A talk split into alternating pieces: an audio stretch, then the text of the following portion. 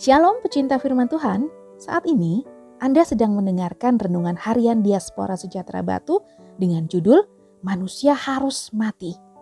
Bacaannya dari kejadian 3 ayat 20 sampai 24. Manusia itu memberi nama Hawa kepada istrinya, sebab dialah yang menjadi ibu semua yang hidup. Dan Tuhan Allah membuat pakaian dari kulit binatang untuk manusia dan untuk istrinya itu, lalu mengenakannya kepada mereka. Berfirmanlah Tuhan Allah, Sesungguhnya, manusia itu telah menjadi seperti salah satu dari kita. Tahu tentang yang baik dan yang jahat. Maka sekarang jangan sampai ia mengelurkan tangannya dan mengambil pula dari buah pohon kehidupan itu dan memakannya.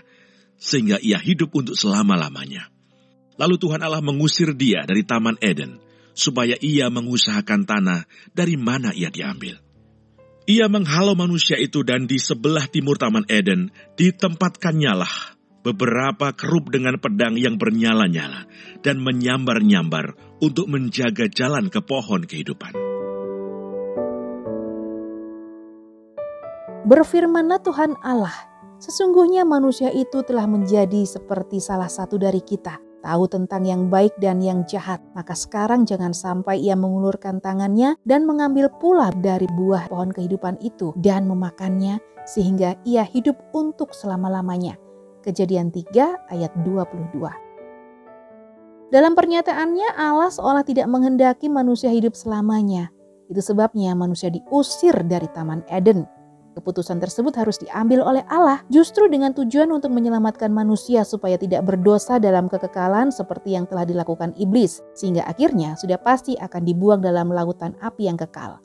Dengan mengusir manusia dari Taman Eden, maka tubuh manusia akan mengalami kematian, tetapi roh yang berasal dari Tuhan akan kembali kepadanya dan bersama-sama dengan Allah dalam kekekalan.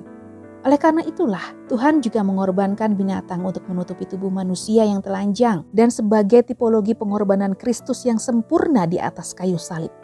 Bagi orang yang sudah dewasa di dalam Tuhan, kematian yang sesuai dengan kehendak Allah bukanlah peristiwa yang mengerikan, tetapi justru menjadi peristiwa yang menyenangkan.